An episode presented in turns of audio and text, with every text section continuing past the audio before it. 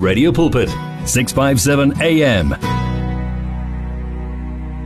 Yebo siyabonga baba siyabonga. Thank you lord. Silabantu siyibo ingenxa yakho. Akusikona ukuthi sihlakaniphile akusikona ukuthi sizazi konke kodwa kuumusa wakho. Thank you lord. Ngeke sipheze futhi eh ukubonga amandla akho ukubonga ubuhle bakho nothando lwakho. Singenile ke ku the last hour isikhathi sithi 20 after 4 o'clock.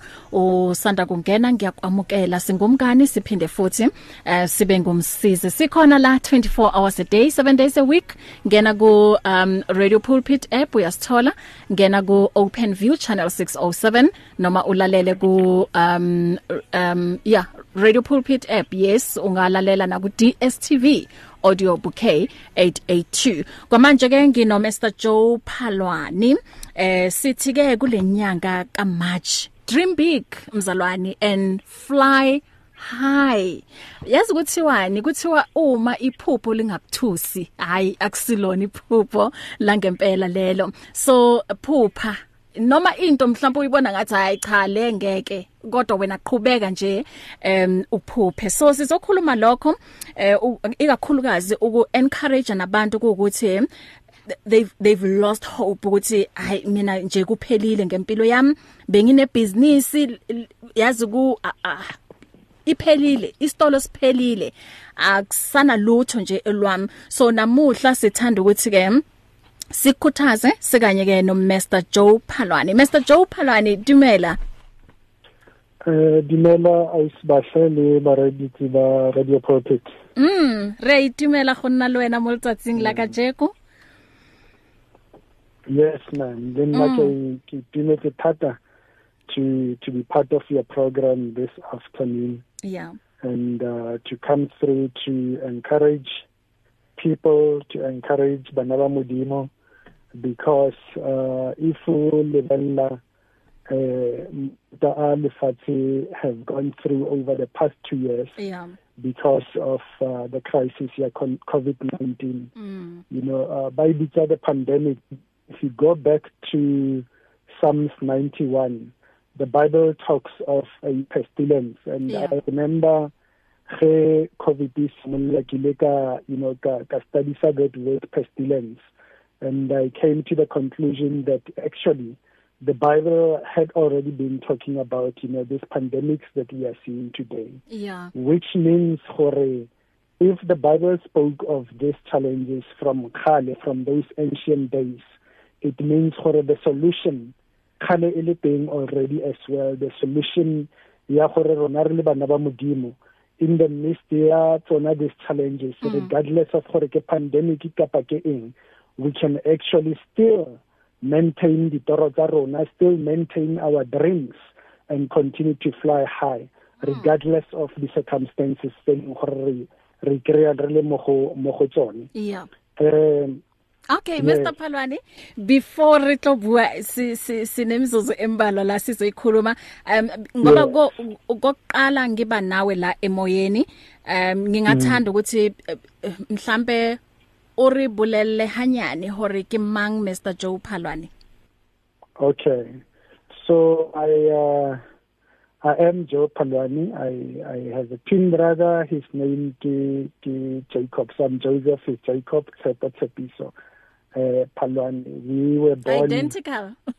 identical yes identical hey ngiyacabanga ukuthi nokuthi niba confuse abantu sometimes yeah even though has it also ile yeah uh, enough time with us wa khona go bona pharologano oh. when you can see the difference okay mm. all right mm yeah and i come from a family of uh, you know six it's the two of us and four younger brothers um We were born in Johannesburg, Baragwanath Hospital. And I grew up in a village, even though I was born go Soweto, but I grew up in a village in the northwest. Mm. You know, um, and as you know, for most uh, South Africans, bagolela in unfortunate uh, circumstances. Yeah. By the way, I no longer use the word poverty in my vocab. So, mm. you know, when I say unfortunate circumstances, I mean circumstances that are difficult no matter how you look at gore you know o godile byang and then uh, ka fetsa matric gona ko gae ko motseng uh, the village is called Jericho. Went to tertiary my dad lost his job you know had to drop out. And from that moment up until today i can describe my life as uh, you know a life whereby 90% of the time I've had to deal with trouble, with challenges, adversity, difficulties. And 10% of the time, you know, when I look at it, you know, I see happiness, I see success, and so forth, you know.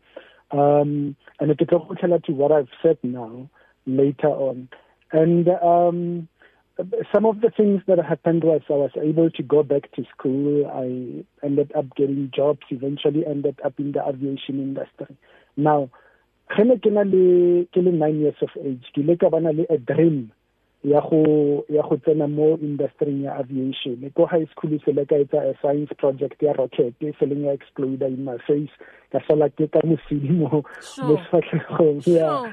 Mm. and um and and even though the dream did die because of the challenges of life but later on in life I was working as a national trainer. In other words I was part of the team responsible for training throughout the country called Love Life.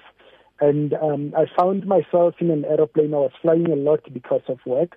Found myself from Cape Town to to uh, to Johannesburg. One of the uh, people that was a young man who was working Mo he had been at one of the youth Christian youth camps that I was involved in. Uh, I think about two or three years earlier. And he he asked uh, uh, bontate ba bafufisi one of them gore you know a nang ka tla go go go pele go cockpiting in the aeroplane and badimela so i went there for the landing and uh, during that time ke ga ke gopola the child dream ene setse e e sule you know. Eh gore kana ke batla go go ba in this industry and i was already an adult. At that time. I think mm. I was 29 years of age. Yeah. Um, well, youth adult, 29 years of age, and the dream got reignited. And uh, I pursued the dream eventually. Ka khona go thola funding, sponsorship, a lot of money. It costs about half a million rand for your flight school. Wow. You know, mm. the total cost is about 100, uh, 1.2 million rand if Mm. you if you have to go all the way to fly for the South African Airways and other, you know, those big aircraft. But uh, through hardships modimo you know i gore really overcome ra kra funding Mm. ra ya flight school but um god changed the vision i i ended because my passion is uh, people development Mm. youth development so i created a company called aerobuddies which went on to to win the the the award one Wow. to win the award Mm. and uh three or not ka ke simolla go kreya you know uh attention and so forth so god has been good in the midst of all these challenges Mm. so briefly i don't want to talk a lot about myself so i'm i'm more excited to talk about the content here today there Yeah. is a lot that has happened in my life which i will be sharing throughout the next four sundays Mm. which will answer this question ya gore ntate jo phalane o mang Yeah. Wow. No thina sijabulela nje ukuthi sikwazi kangcono ngoba you know kumnandi ukuthi uma sikhuluma nomuntu kodwa sazi ukuthi ubuya kuphi and Yeah. nanoma namuhla nje u- noma kulenyanga uzosimotivate uthi dream big it's because lento iqale ngawe and you know what you talking about uma umtshela umunye umuntu ukuthi akusho ukuthi mhlambe uma uzama ukwenza into ethize and then bese ingalungi kusho ukuthi amaphupho akho kumele nje afe just like that so today eh re khothatsa motho o ileng hore are i know no it's over. Ke emetse fela gore letsatsi le la le fitlhe and then eh, you know ba bang motho o ba es re bona mo matsatsing a hona yanong people they are committing suicide and then sometimes ha re itse gore lebaka baka ke eng. So imfundiso eyifana nalezi zibalekile kakhulu noma kuukuthi umuntu bekacabanga ukuthi kuphelile ngempilo yakhe uthi okay hayilo hore Master Joe Phalwane ukhonne though it was hard mo bophelong ba hae it means lena le tla fitla letsatsi gore tswello pele e nne teng mo bophelong baka. So today ingakho sithi eh, sibuka ukuthi how to achieve high flying success. So aje ko Mr Phalwane re batla go ntsha that negative thinking or thought ya gore you know nka sekhone so today re bontsha batho gore a gona ntho e sa kgonegeng. Especially if into ayikhulumi and then wena ukwazi ukukhuluma unezandla unenyawo ungenza izinto ukuthi zenzeke. Yes. Mhm. Mm and and you know if you go to the bible you o tla lemoga gore eh you know batho ba in the bible ba achieving tswelelo pele you Mm. know high flying success yeah all of them ba they had gore ba ba ba lwele the difficulties you Mm. know mo maphelong a bona yes um go Genesis chapter 37 we have the story sa a dream mm. uh you know yeah yeah sa sa Joseph you know Mm. and and when you study that story o o lemoga gore Joseph had to fight hard to achieve his dreams of Yeah. course ka ka ka thuso ya modimo in fact um one of the things that happened is that before even he got the dream Mm. he was already facing difficulty you know the bible ere bo bo bo his brothers they hated him even before he received the dream they hated him because of the love mm. that his father has for him so imagine having brothers in your family siblings baba go hating even before we do anything you know it mm. means o ka se thole support from them it means o pray uh, any, any form of uh, support Yeah. there are people like um Moses in the Bible who had to go through 40 years in the wilderness of hardship before he could uh succeed in uh his god-given purpose uh rena le Noah gape even though modimo sela mo tlaetsa gore Noah you know aga sepepe so that o tsene ka mogare ga sekepe seo na mo fa instructions and then so that Noah are protected from uh from uh you know morwalela you know. Mara it is not natural for a human being to spend 120 uh uh you know all, all those uh that time that Noah spent in a boat you know it's an uncomfortable environment. The human beings created to live outside of that and live on earth the way re phelang ka teng on earth. You know there's Mephibosheth in the bible. The bible when it talks about Mephibosheth Mephibosheth ere he was drugged at best you know. Uh atalwa fela o ile a wa a usiwa you know and he became a cripple because of that and he lived life up until a favor you know fitsenetsa go go go go modimong.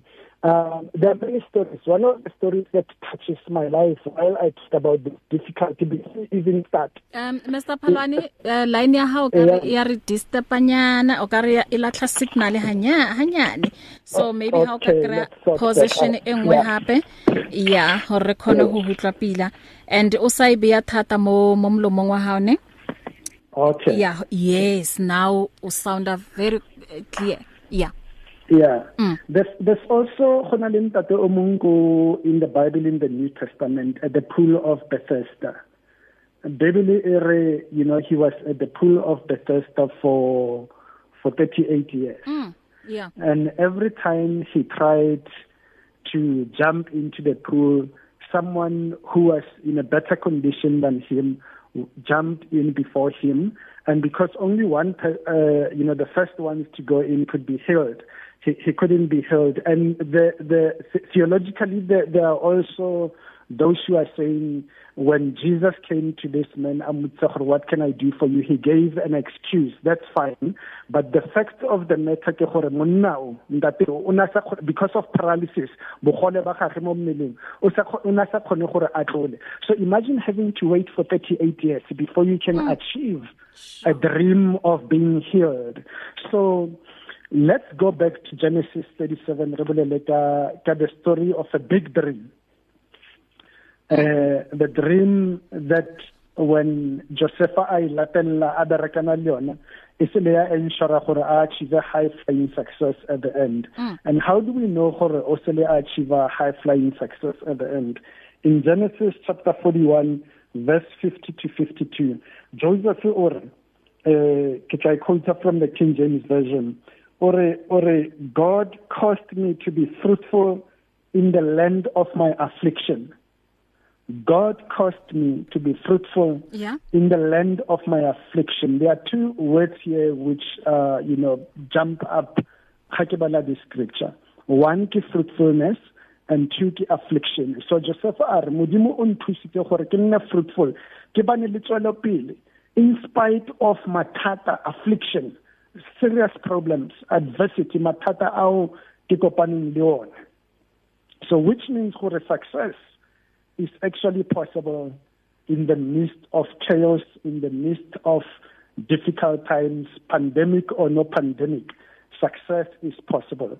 That's the first thing. Number two, success is possible regardless of the number of years it takes you to go through the affliction. For Joseph, it was 13 years. He was 17 years old. toro e modimo a mo fa toro mara it took him 13 years before a ka kgona gore a bone tswelelo pele ya toro eo modimo a ditoro tseo modimo a ne a mo file tsona. So so those two things are very important for us gore re di lebelle gore you know regardless of mathata le gore regardless of gore mathata a a lasta nako e kang kang tswelelo pele re ka kry high flying success we can achieve it through God. Now what is success? What is this high flying success that we are talking about?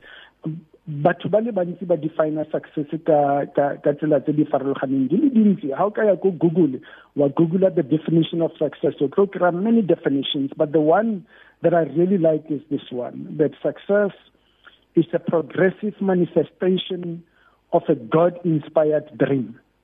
Wow. Success is a progressive and progressive is a key word here mm -hmm. it's a progressive manifestation manifestation is the second key word yeah. of a god inspired dream you know mm. in other words in the first instance the dream has to come from god wow because when it comes from god you will get the provision of um of perseverance from komodimong build into you to be able to go through this difficult years ha isa tse komodimong ile ya gago or o kopisitse somebody else you will not never have that provision of uh, the spirit of perseverance modimo aka infuse aka aka go fa yona. So so it is progressive. The reason why we say progressive ke gore sometimes dikgato tsa rona di tshwana le le snail you Mm-hmm. know nka re snail progress ya rona ha re bone mo re yang mo teng. Yeah. you know? And how sa bone mo yang mo teng go difficult you actually tell yourself from not progressing but progressing. Mm. but net ke gore o na le tswello pele even though step sa teng se Se slow, mara ke tswello pele that's why job when he was afflicted and he lost everything. He never focused on the loss. He lost his possessions his children his wife. He never focused on those things. Instead because o na bona gore go na le tswello pele mara nnyane e re ke rorise modimo ke praise modimo. Mm. you know? Wow. so so so and for for that progress to gain speed you know Mm. it gains speed through praising god in difficult times. When you praise him o sa bone ka matlho a nama gore o ya go kae. Mara o bona ka matlho a a ka matlho a tumelo a faith yes. a se a se a se a se moya. Mm. so go John 16 verse 33 in his farewell speech to the part of his farewell speech to the disciples morena jesu o re in this world le tlo kopana le le mathata. Yeah. You know you will face trouble but take courage because i have overcome the world. And and it's easier to have that courage when the dream is a god given dream. And god gives big dreams. Here are the three characteristics characteristics are a big dream. In mm. other words the characteristics tsa toro e leng gore vision e leng gore o e fa ke ke modimo. Mm. number 1 a god given dream big dream must be beyond you. In mm. other words ge toro o nang yona e le gore e tswa ko modimong e tshentse e fitle e fete matla a gago a nama Wow. you know your intelligence Yeah. your skills Mm. your abilities in order for you gore o kgone go kry-a tswelelo pele in achieving this dream mm. that is the first characteristics of a god given big dream you know it must be beyond your capacity to achieve it you know? And and and this is why this dream ya Joseph in Genesis 37 when he went to his brothers the bible say, said they hated him even more you know? Because it was so big that uh, they couldn't understand it. Ka tlhaloganyo ya bona ya nama mm, you know? mm. and and the second dream um that he got and he went to his father to tell him gore you know papa i have this dream. Where the moon where i saw the moon uh, uh, the the sun, the moon, and eleven stars bowing to him, and his father thought he was arrogant. You know and he he chastised him gore ile gore o nagana gore o mang wena you know. Mm, part mm. of the reasons why neba behavior in this fashion is because they had never heard of this type of a dream. It was so big that you know his family and and I should assume the bible ha e bolele mara should assume gore if naka bolella ditsala tsa gagwe ditshomi tsa gagwe le bona ne ba tlo behavior the same way. It was big in such a way that no one could understand this dream but only Joseph because it was given to him. So that's the first characteristic. I will come back to this as we close um, yeah. uh, later. And mm. the second characteristic is that, um, uh, you know, ha ke ha ke re you know how le motho le ngwana modimo people must hate you you know yeah. but one of the reasons that you can know gore your dream is big. Eh tsela e leng gore ka bona gore toro ya gago e kgole ka yona it's when people hate you because of your dream mm. you know because mm. that happened to to to Joseph yeah. when myself and my friend I won't uh, uh, say his name here because I didn't get permission from him when we started talking about going to flight school you know and we were uh, to train us, uh, you know, to fly airplanes. And we were doing ordinary jobs, you know, at that time. It was so big that the people are in our circle could not understand us. And they said, Hora, Luna, you are wasting time, you know. And some of them stopped their friendship with us because we were embarrassing them. Sure. You know, mm. that's the second characteristic. You know, it, it must be so big that uh, it, it must cause opposition. You know, you must have opposition mm. uh, in, in your pursuit of that dream. A characteristic ya boraro ke gore toro ya gago must be crystal clear. Yeah. God will not give a dream that is confusing. O sa iboning pila. Ditoro tsa Joseph they were so clear. Mm. Clear to him and and and even when he explained them he explained them in such clarity that he was hated and he was by his brothers and he was chastised by his father so it must be clear over the next 4 weeks we'll be coming back to the foundation that we are laying today and and the last characteristics is that big dreams mm. manifest not at chronos time but kairos time mm. In other words, what I'm saying is that if that dream is from God and it's a big dream, it will not manifest ka nako ya tlhoko e re beyang mo leboteng you know or gore no ke beile three so ka beya three years and you can believe for it and have faith for it you know. But sometimes this massive big dreams di manifesta ka nako ya modimo.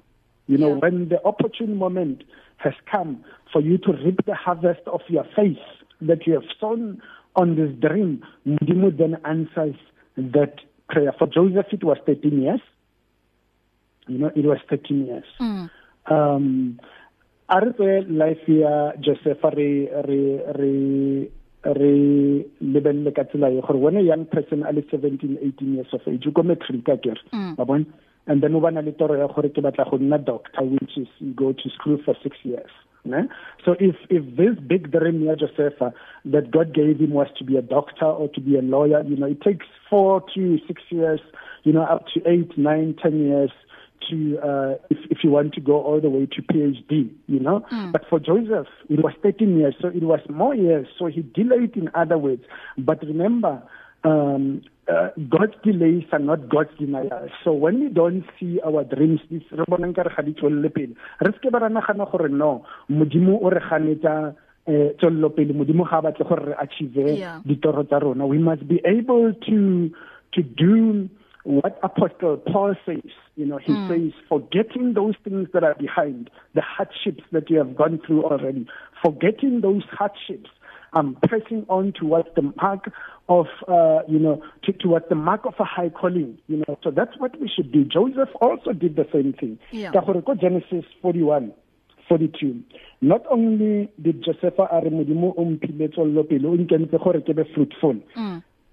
in the land of my affliction but he also said remember he named his two children Manasseh and Ephraim. The first one was Manasseh and he named Arlina la gagete Manasseh because God has made me to forget all my toils mm. you know to forget all my struggles all my hardships. So so you, you know uh, if we want this kairos time to manifest and help us to achieve our dreams we must constantly adopt the attitude of forgetting our troubles mm. you know the things of yesterday are gone yes you know, focus on today by giving him praise for today mm. and for the future mm. wow uh, as I conclude for today um I, I want to say that uh, there are three types of dreams mm. in the context of a God-given dream. Uh, to the DKD dreams, mm -hmm. you know, D stands for done it before. Done it so before. it's very yeah, it's okay. very rare that God will give you a dream that of of something that you've done before. You mm -hmm. know, in mm-hmm. other words, you spend the chance to rely on your own wisdom and strength. Mhm.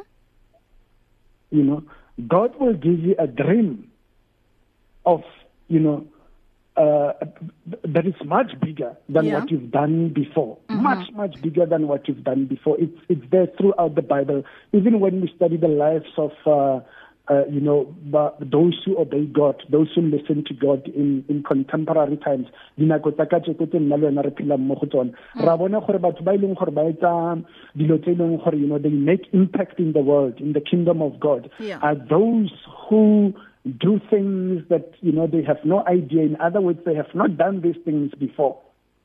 Like if God calls you to start a church and and you don't come from a family of pastors you know it's something that you've never done before or he calls you to start a company in an industry that you have no idea you have no experience in that industry you know uh, uh, that's massive. And and let's let's um uh, look at, uh, at the dreams that we have today the visions that we have today you know is this thing something that I can easily do you know that I can easily do yeah or not. Mm. And, and, and, and, and the second aspect of, uh, you know, dreams is, you know, a, a dream that you know how to achieve it. So the first one is that you've done something like this before. You know how you can easily achieve it. You've done it.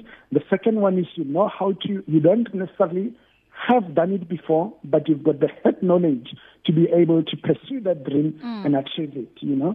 And yes, God uses the skills that we have, the knowledge that we have, but the dream will always be bigger in capacity. Yes. That even when you look at the skills that you have and the knowledge that you have, yeah. you realize what I have to rely on God mm. in the midst of these challenging times. And and and and and lastly, it is the dream that you don't know how to achieve. That's a dream that I love because that type of dream, I fully, you hmm. surrender mm. fully komodimo. You surrender fully, fully from head to toe, mm. you know, komodimo. You know, you surrender through your spirit, through your faith, komodimo, because you've got no idea how to achieve this dream. So, Wow, that's that is powerful. That is powerful uh, Mr Joe Phalwani. Eh uh, sikhuluma ke namuhla ntambama ngokuthi um how to achieve high flying success. Um it doesn't matter ukuthi kunzima kangakanani empilweni. Anyway, challenges and difficulties um or difficult times will always be there um Tate Phalwani.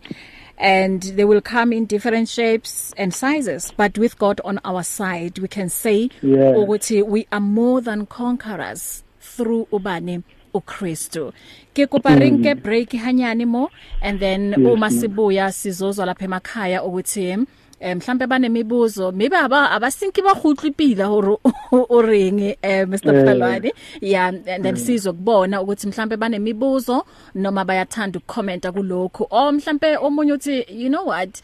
Eh na kiyaye kiyadietsa the new year's resolution and kinali that uh, that drawing board ya ka ekekwalang my plans and the goals tse ke batlang go di fitlhella but ha ke re ke a sheba he ngwaga o fela a ke khone go di fitlhella di goals tse. So Mr Palwan how can you say hore um ke ke tswelle pele i have to dream big and ke tlo flyer jwang? Ke sa khona hore ke fitlhelle my goals. Uh, yes the plans di teng but uh, bona adi materialize at all. Okay sizokubuka lokho ke uma sibuya. Kwamanje ngicela mm. ukuthi sithathe ikhefu ya ungashaya ke ku 0123341322 uma sibuya noma uthumele iWhatsApp ku 0826572729 Feel the pulse of the real life on 657 AM It's here. Radio Pulpit's new website is live. You can tune in at radiopulpit.co radio.co.za and enjoy crystal clear sound with just a click of a button or listen to our podcasts. Discover biblical truths in our daily devotionals and let our stories of hope inspire you. You can download our app on this new look easy to use platform. Find your favorite program, get to know our presenters and so much more at radiopulpit.co.za. Radio Pulpit your daily companion. As easy as the touch of a button. The message of life on 657 AM. Ilapho sikhona impela ku AM 657 sithole na ku DSTV audio bouquet 882 noma ulalele ku OpenView channel 607 na ku Radio Pulpit app. Kinalinta te Joe Phalwani eh sikhuluma la noma ngathi siyaqhuquzela siya encourage kuwo wonke umuntu ukuthi ulahlekelwe ithemba ekutheni ay ngeke kusalunga empilweni yakhe. Especially intate Phalwani kilobona eh no phila this soft life ne? Mm. o ke tla re maybe o godile ka eh ka ka o gotsipila and then yeah. all of a sudden has to godile you know life e ba difficult and how itse le gore o ye komang ne and most of the time you know especially us rona batho eh, abantsundu if like ne le phela pila ko ko geno and then all of a sudden how godile dilo a di sa tsamapila like o nna setshegisa go bathong. And le he o tla o re ke kopa thuso to to go bona o ka re like you are joking wa ibona so even le batho ba bayalo today re bua le bona gore mm akapheli akusho ukuthi uma izinto zingahambi kahle kwamanje ngeke sisakwazi ukuhamba kahle. Okay asiye la elayinini sithatha umlalelo oqala sawubona dumelo semoyeni. Sawubona. Aba Ngiyaphila wena njani? Akaza. Uyasizwa baba? Kalimambo. Hello. Yes. Uyasizwa baba? Hey. Ngathi soba ne ne, ne, ne problem yama line kodwa ke solo kusizama okay if uba ne problem ye ye line ngicela uthumele i voice note ku WhatsApp 0826572729 okay u Terence Gagamas uh, or yeah let's hope ukuthi ngispronounce kahle isibongo sakhe. Okay uthi to achieve success you must face many obstacles in life just remember God is working with you uh, through your journey to success molaitsa o o tswa go Terence Kakamas uh, Mr Joe Phalane Yes. Mhm. And and he is correct. You know, your your question that you've just asked Khore if o godile o tswa go family yo godileng pila in terms of resources. Yeah. And all of a sudden iphuman o ikiraile gore o face the mathata you are losing things you know like mm. ha re similar rate many people have lost jobs because of covid have lost businesses and mm. so forth and to press the restart button o try le gore you know ga ga go easy uh, this is where the forces of a big brain come in you mm. know and mm. and uh ke tla di tshwara go tsinyane fela next week re tlo re tlo bolela ka tsona because they are yeah. also the forces of faith yeah you know um because i i use flying as a tool in my teaching of the principles of success to people mm. you know uh these four forces come from when we learn to fly aeroplanes the forces of flight you know um the first force is the force of lift. Ke isang aeroplane go godimo you know? So those are the self motivational factors that you have to know as a person. Or what are the things that motivate me to stay in faith ke ke ke ka latlhela toulo ke ske ka latlhela Yeah. tshepo you know? And uh, am i going to focus on the self help industry or am i going to go into the bible and dig deep in the bible in the midst of these challenges and refuse to give up? You know? so you must know what is it that motivates you that that which encourage you. Uh, Bible Erica David you know King David in in uh, in the book of um uh, I think it's second Samuel if I'm not mistaken. It says that uh, the people wanted to stone him you know because of what happened. You know they had lost even their wives. And and and it says and David encouraged himself in the Lord. Ge o study the entire life ya King David it wasn't smooth you know. In fact when you study the psalms you will see that this was a man who half or more than half his time he was troubled but he encouraged himself in the Lord. So i want to say to those ones that they must you know encourage themselves in the Lord because he's going to lift them up you know. Yeah. but uh lift always has an opposite force which in science by beta gravity everything that goes up you know is faced uh with gravitational force and it tries to push it down. You know in flying we call it weight.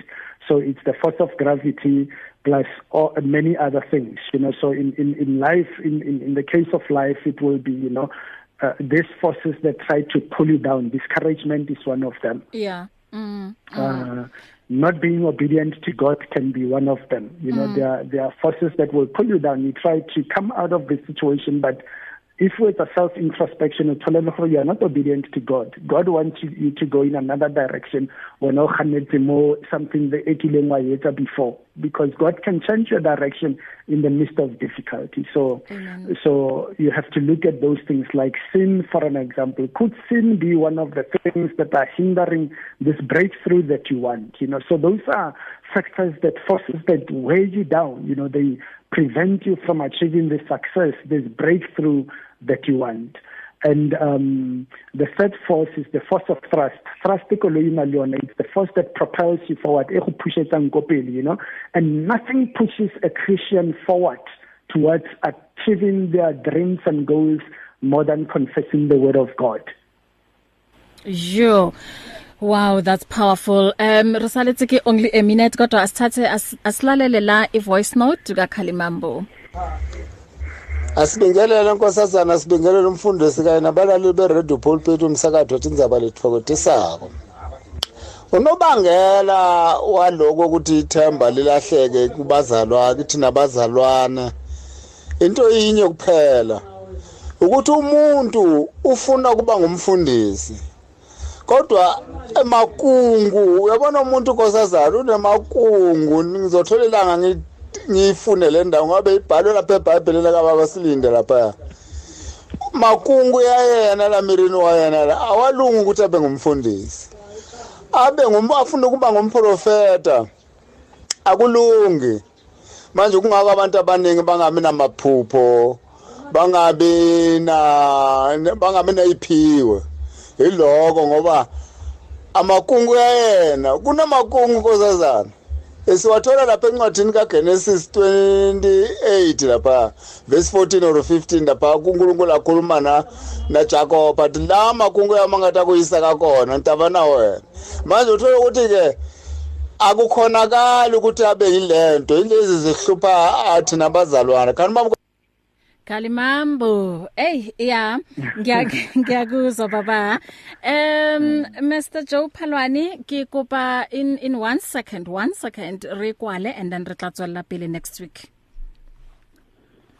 Uh, Aus Bashe, you know, God desires for us to be successful in life. Yeah. Uh, in Jeremiah 29:11, most people know that scripture. He says, "The plans that I have for you mm. are for what? For prospering you, not to harm you, not to cause lack of progress and keep you in affliction." Yeah. You know. Um, so people must not give up. People must continue to dream high, uh, you know, dream big, you know, because eventually when you dream big, you know, God grants you mm. high flying success. Yes. Wow. Are kopane gape mo bekeng etlang ngaso futhi lesisikhathi ukuna la utholakala khona mhlambe uma bethanda ukukhuluma nawe ngekho la emoyeni? Yes, go mm. go Facebook um Joe Palwani they can contact me go Facebook send inboxes and my contact number is 079 263 3621 079 263 3621 ke a leboga go leboga rona eh uNkulunkulu akubusise until sihlangana futhi next week. Thank you man amen. Bye. amen bye. Yeah um selishayile elesihlanu ihora uh, ngiyaphuma. Pastor Ray Lehodi uzoqhubeka nawe njengoba ke selishayile elesihlanu ihora. Mina nawe asiphinde sihlangane kusasa ya kusasa ekseni ngo 4 ya ngo 4 ekseni ngizobe ngila. Ithi ngiphume ke kube kuhle sindawonye. Um inkosi nje ingcinele nina until we meet again. Ithi ke ngikushiye la ngalomhlabelelo ka Justice um Sunduza. Uthini la? Uthi you are my everything. From your ear to your heart to your mouth to your feet join this life on 657 am It's difficult to face the overwhelming pressures of life alone Sometimes we just need someone to talk to someone to listen to us And what better way to do that than through a quick and easy WhatsApp text? Whether you're having a hard time coping with school, family issues, being bullied, depression, or anxiety, speak to someone who cares today. Send a WhatsApp message to 064 530 6805 or 074 995 9085. Our I Am Youth Counseling team, Charles Dudoy and Danny Vambili, are ready to connect with you today. At Radio Pulpit, we love the interaction we have with our listeners on all the social media platforms. It is also our way of giving everyone a voice that can be heard all over the world. Unfortunately, we have been experiencing huge difficulties with WhatsApp for a while now, and we are now forced to find a viable alternative. That alternative is called Telegram. Telegram is an app that works exactly the same as WhatsApp and it uses the same telephone number as well. All you need to do to be able to chat with your favorite presenter is to download the Telegram app onto your phone and send your message or voice note the same way you always did. We will then be able to receive and answer your message faster and the privacy on this app is much better too. So, whether you have an iPhone or an Android, the app pic is a white paper plane in a blue circle please download the Telegram app right away and make life easier for everyone. You and 657 AM and life, a winning team on the road to eternity.